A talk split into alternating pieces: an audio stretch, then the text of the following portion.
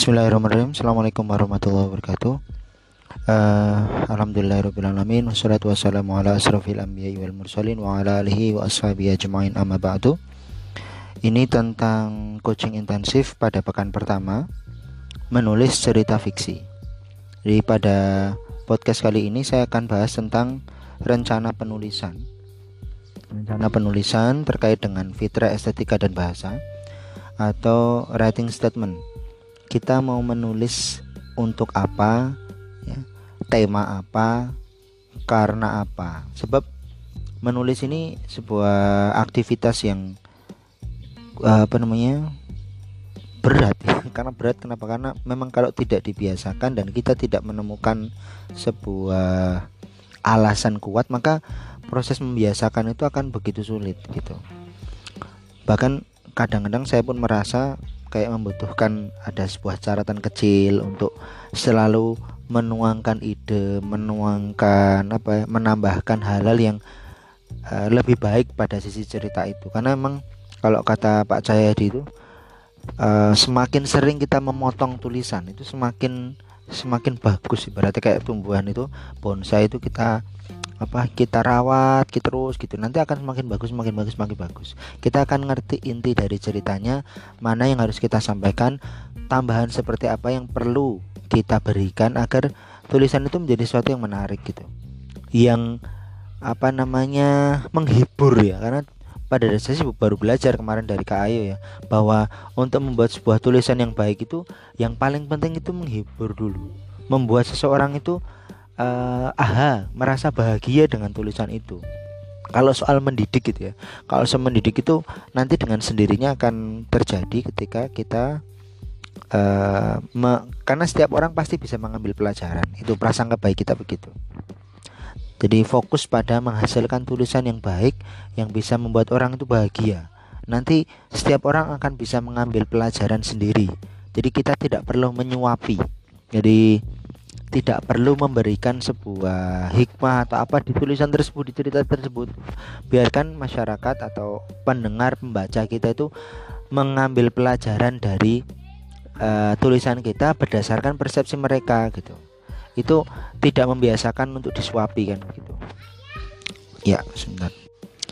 Ya setelah itu kita akan membuat premis mendesain twist. Twist itu sebenarnya sebuah konflik sesuatu yang tidak kita duga lalu merancang ending premis yang kita buat, twistnya kita desain dengan berbagai macam tokoh, berbagai macam fakta, memunculkan twist yang baik.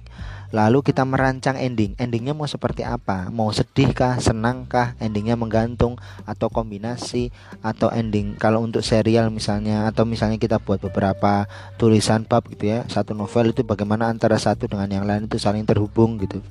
Terus menerapkan neurolinguistik program ya jadi mendramatisasi uh, tulisan kita secara visual, auditori, kinestetik, olfaktori, gustatori, kemudian membuat neurological level menggunakan tingkatan berpikir atau bernalar serta menggunakan tata logika yang lebih tinggi untuk mengubah atau menggugah pembaca sesuai dengan keinginan penulis ya jadi kayak ada empat sistem berpikir kan. Sistem berpikir pertama itu gudang. Semuanya ada di situ. Tapi kita sulit untuk mengambil informasi hmm, karena emang ya gudang gitu ya. Semuanya berantakan. Yang kedua adalah level berpikir tingkatan yang lebih tinggi namanya perpustakaan. Sudah ada kategori-kategorinya. Cuma perlu apa namanya? Perlu perlu keterampilan untuk berpikir kan? Karena ya kalau perpustakaan kita hanya bisa mengambil informasi satu informasi dua informasi tiga. Tidak ada kemampuan untuk sintesa. Kemampuan sintesa itu ada di level berpikir yang ketiga laboratorium. Level level laboratorium. Kita mensintesa berbagai macam fakta yang ada untuk menghasilkan sebuah informasi baru. Nah ini sebenarnya menulis itu di sini teman-teman. Jadi kita itu uh, ya kalau kata Ustadz tadi kan rest your child, rest yourself. Ketika kita menulis itu sebenarnya kita sedang merestrukturisasi pemikiran kita sendiri gitu.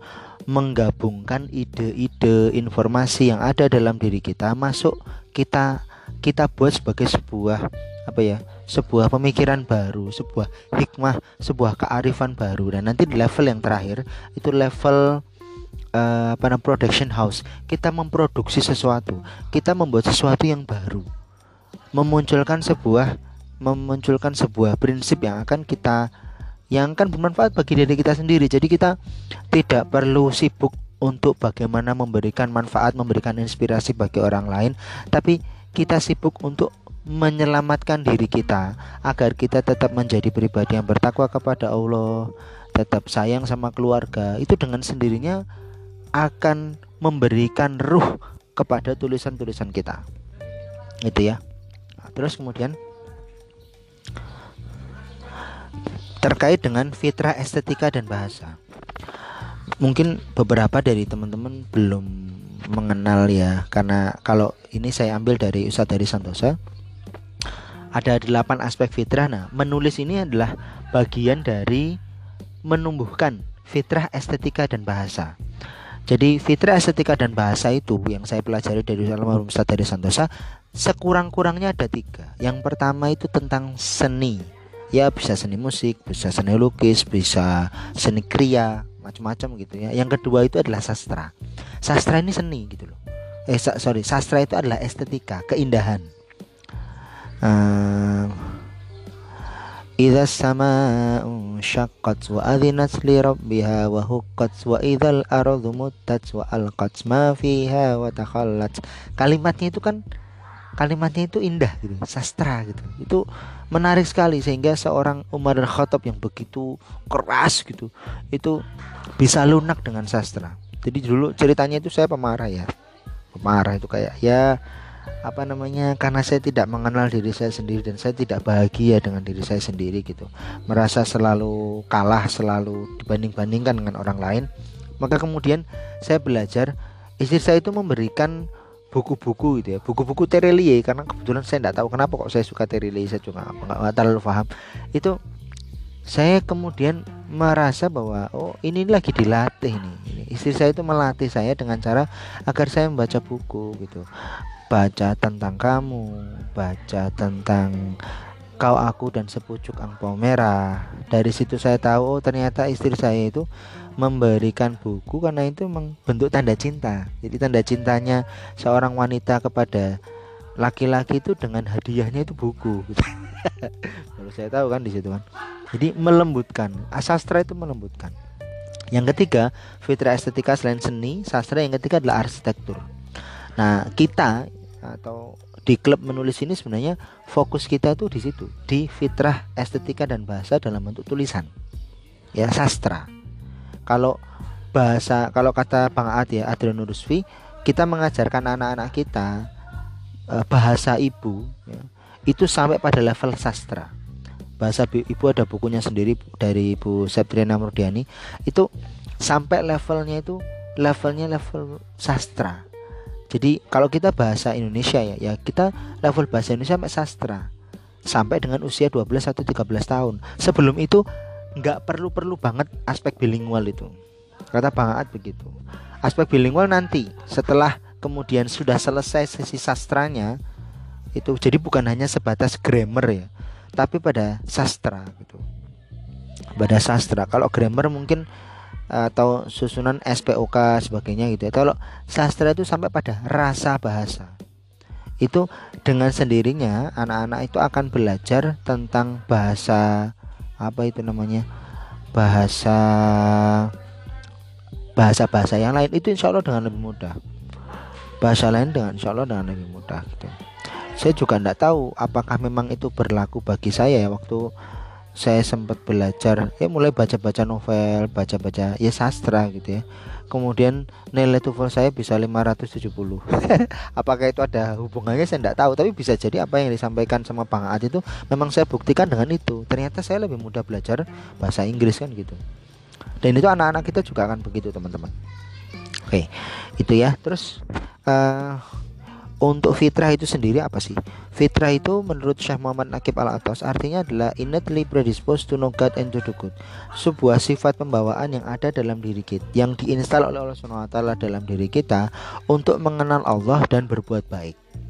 Jadi seni itu adalah cara agar keindahan keindahan bahasa, seni, sastra, arsitektur itu yang membuat kita itu mengenal Allah dan berbuat baik gitu loh. Dan semua tugas semua pekerjaan di klub menulis itu nanti kita arahkan sana. Di klub menulis itu kita ikhtiarkan untuk menumbuhkan fitrah dalam diri kita agar kita itu mengenal Allah dan berbuat baik. Nah ini mungkin bedanya penerbitan di Ornithoptera Optima yang kami buat dengan penerbitan yang lain. Karena orientasinya itu pada fitrah khususnya estetika dan bahasa Nah, kenapa kok bahasa gitu ya? Karena bahasa itu adalah ciri peradaban dan cara kita berkomunikasi. Dia adalah ciri dan cara, ciri peradaban dan cara berkomunikasi. Kenapa ciri? Sebab kalau sahabat-sahabat kalau teman-teman baca di Al-Qur'an ya, ada kisah Zulkarnain. Di situ beliau melakukan perjalanan jauh sampai di satu tempat. Di situ ada masyarakat yang hampir tidak mengenal kata-kata, tidak mengenal pembicaraan. Nah, itu adalah manusia yang tidak beradab. Mereka tidak tahu apa tidak berpayung atau tidak tidak ada tempat untuk berteduh. Nah, itu mereka tidak beradab gitu karena mereka tidak mengenal bahasa. Adab itu dimulai dari bahasa. Bagaimana cara kita berbahasa kepada orang tua kita, kepada orang yang lebih tua, kepada orang anak yang lebih kecil. Bagaimana memilih kalimat itu kan bagian dari peradaban dan itu dimulai dari bahasa. Yang kedua setelah ciri peradaban yang kedua adalah cara berkomunikasi. Jadi bahasa kita itu akan mempengaruhi cara kita berkomunikasi dengan orang lain. Kalau komunikasi itu dua arah, maka bentuk bahasa kita kepada orang lain itu juga adalah respon yang kita terima dari orang lain.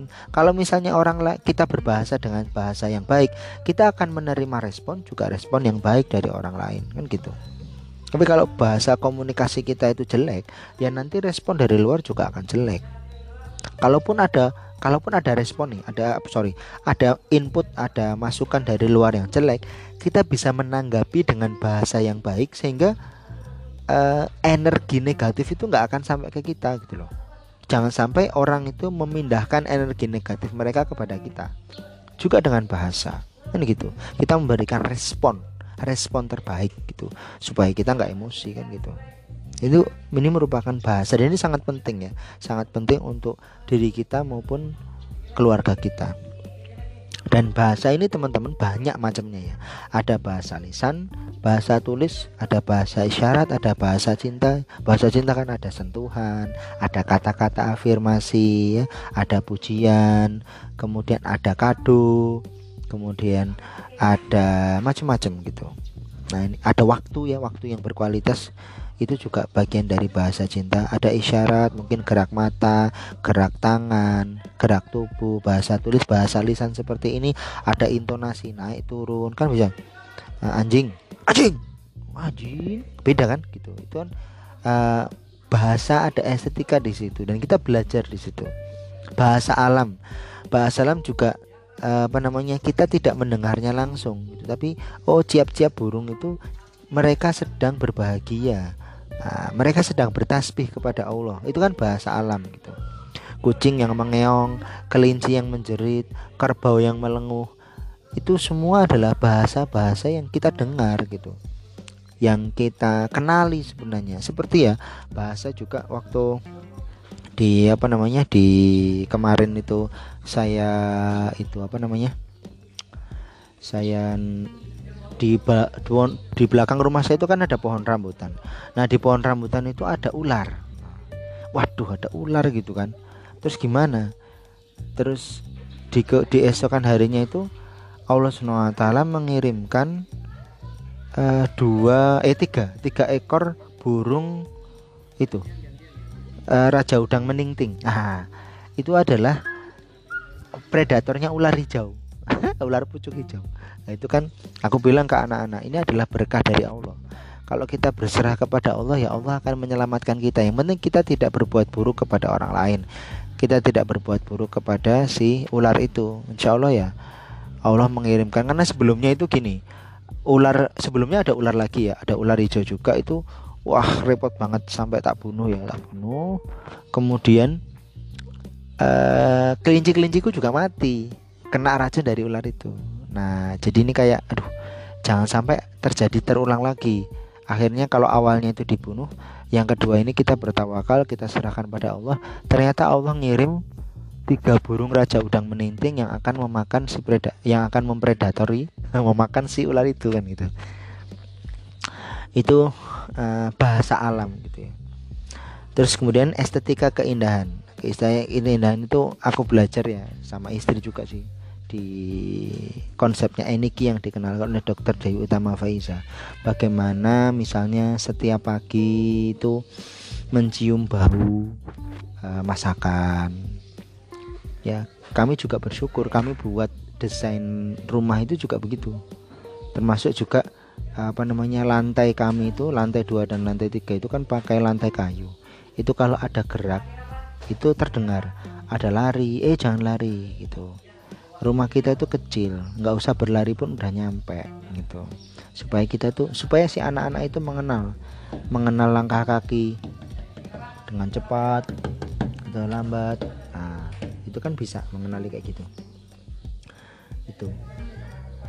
Nah, terus kemudian posisi apa namanya posisi kalau pakai lantai kayu nggak perlu pakai karpet ya.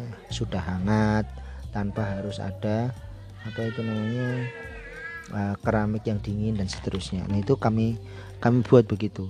Nah konsep Eniki nanti yang di literasi itu adalah menggambar ya, menggambar misalnya ada daun itu kita melihat daun itu bukan hanya sekedar daun, tapi di dalamnya ada gurat-guratnya, ada keindahan di sana, ada pohon kita akan mengenali keindahan pohon itu kita akan mengenali apa yang ada di pohon itu. Pohon itu sumber kehidupan bagi siapa saja. Ketika pagi dia mengambil eh, mengambil CO2 ya, terus dia melepaskan melepaskan oksigen gitu. Nanti ya itu hal-hal seperti itu. Terus bagaimana kita mengenali keindahan dunia ciptaan Allah Subhanahu wa taala? Ya kalau di Quran surat Ali Imran ayat 14 itu kan disebutkan bahwa keindahan itu banyak keindahan itu banyak dan yang indah itu atau ada yang lebih indah yaitu di sisi Allah keindahan ada dari wanita, anak-anak, harta perniagaan, hewan ternak, sawah ladang, dan nanti ada yang lebih indah. Apa itu? Yang lebih indah adalah sesuatu yang ada di sisi Allah. Kapan hari itu ya? Aku ngobrol sama anak-anak gitu. Kan kami sewa sewa kebun ya sewa tanah. Terus kemudian di sewa tanah itu kami apa namanya bel apa aku cerita bikin kolam gitu kan. Terus aku cerita sama anak-anak. Anak-anak kenapa ya? Di surga nanti itu ya di surga nanti itu di sebuah hadis itu itu ada penduduk surga yang berkata kepada Allah ya Allah aku ingin menanam gitu Terus kata Allah, oh, sudah disiapkan semua, sudah siap kenapa kamu pengen menanam? Kan tinggal minta aja dikasih sama Allah. Dia bilang, tapi aku aku pengen menanam gitu. Jadi eh, di surga nanti itu orang yang sudah terbiasa menanam itu masih pengen menanam. Berarti ada sebuah apa ya, sebuah rahasia kebahagiaan dalam menanam itu. Ya, bulir tumbuh ada daun-daun ada bunga ada buah ya. Itu itu ada keindahan di sana. Ada rasa harap rasa cinta. Dan itu mungkin yang proses itu yang membuat kita tuh bahagia kayak kita bahagia mengenali anak kita lah. Menumbuhkan dari kecil besar ada foto-fotonya kita lihat lagi ya Allah indah sekali gitu itu keindahan yang Allah SWT berikan melalui tangis mereka, melalui canda mereka, ketawa mereka, tidur mereka, iler mereka dan sebagainya. Itu kan keindahan-keindahan yang Allah SWT berikan kepada kita. Itu kita memaknai gitu. Sebenarnya eniki cuman begini ya. Dan nanti yang ada di sisi Allah itu lebih indah. Berarti kira-kira kalau tadi soal petani tadi ya mungkin akan ada keindahan dalam proses menanam. Selama ini kan kalau kita lihat petani ya apa rekoso gitu ya apa sih yang susah payah gitu ya menanam susah payah gitu mereka itu menanam gitu. Sehingga apa namanya lebih suka untuk membeli. Ya lebih suka buat impor gitu ya. Sama sebenarnya kita tuh lebih suka me, apa itu memberikan tanggung jawab menumbuhkan bibit yang Allah kasih kepada kita berupa anak-anak itu ke orang lain gitu biar orang lain yang ngurus gitu padahal sebenarnya uh, kita mengimpor informasi mengimpor kurikulum mengimpor apa ke dalam diri kita padahal sebenarnya kita bisa membuat sendiri gitu, menumbuhkan belajar gitu. Karena memang tugas utama kita di situ kan. Ya Allah SWT memberikan kepada kita tugas utama menumbuhkan benih-benih fitrah yang Allah SWT berikan melalui anak kita. Nah, proses menumbuhkannya itu nanti akan membahagiakan. Memang susah payah, memang repot, becek, ya. susah payah lah. Tapi nanti akan ada keindahannya kan gitu. Dibandingkan kalau kita tuh impor, ya, kita mem memberikan produksi itu kepada orang lain gitu nah itu sebenarnya sesuatu yang mungkin bisa kita ambil hikmahnya dari proses menulis ini. Artinya nanti ketika kita proses menulis jangan cuma sekedar menerbitkan targetnya terbitin buku. Aduh itu terlalu apa ya? Terlalu sederhana. Ya pekerjaan kita nanti kita nggak akan termotivasi kita tidak akan punya alasan kuat kalau cuma sekedar bisa menerbitin buku. Aku target sebulan sekali ter- nggak nggak nggak sampai nggak nggak akan kuat gitu loh. Kita tuh membutuhkan sebuah alasan yang lebih besar membuahkan alasan yang lebih kuat membutuhkan alasan yang lebih apa tidak terbantahkan gitu sehingga tidak ada alasan bagi kita selain kita tuh mendokumentasikan semua aktivitas yang kita miliki interaksi kita obrolan kita gitu dengan anak-anak kita gitu karena sebenarnya proses dialog-dialog itu yang akan menimbulkan kesan bagi mereka gitu. Nah, kemudian teman-teman, jadi ini di slide yang kedua ini ya, artinya kesimpulannya adalah Allah SWT secara alami memberikan keindahan sebagai bahasa. Dan betapa Allah SWT telah memuliakan kita di antaranya dengan Al-Quran. Kita bisa belajar dari Al-Quran belajar dari baca hadis gitu. Kita juga sering berpikir kan kenapa sih? Umumnya ya umumnya itu kita membandingkan sesuatu itu apple to apple. E, kambing ya dengan yang sejenisnya atau kalau kita membandingkan apel ya dengan apel. Tidak bisa membandingkan apel dengan jeruk atau membandingkan apel dengan uang. Sesuatu yang sangat berbeda. Atau membandingkan apel dengan uh, apa itu? Dengan udara kan? Nggak nggak beda sangat sangat beda sekali. Tapi bandingkan ya Allah Allah swt melalui urusan Rasulullah SAW itu membandingkan sesuatu yang sangat berbeda. Orang kaya nomor satu siapa? Jeff Bezos. Orang kaya nomor dua siapa? Uh, situ siapa? Bill Gates nomor tiga siapa? Mark Zuckerberg. Yang keempat sebenarnya orang kaya yang melebihi dari itu semua itu. Yang nomor nol berarti ya yang nomor, yang nomor tinggi.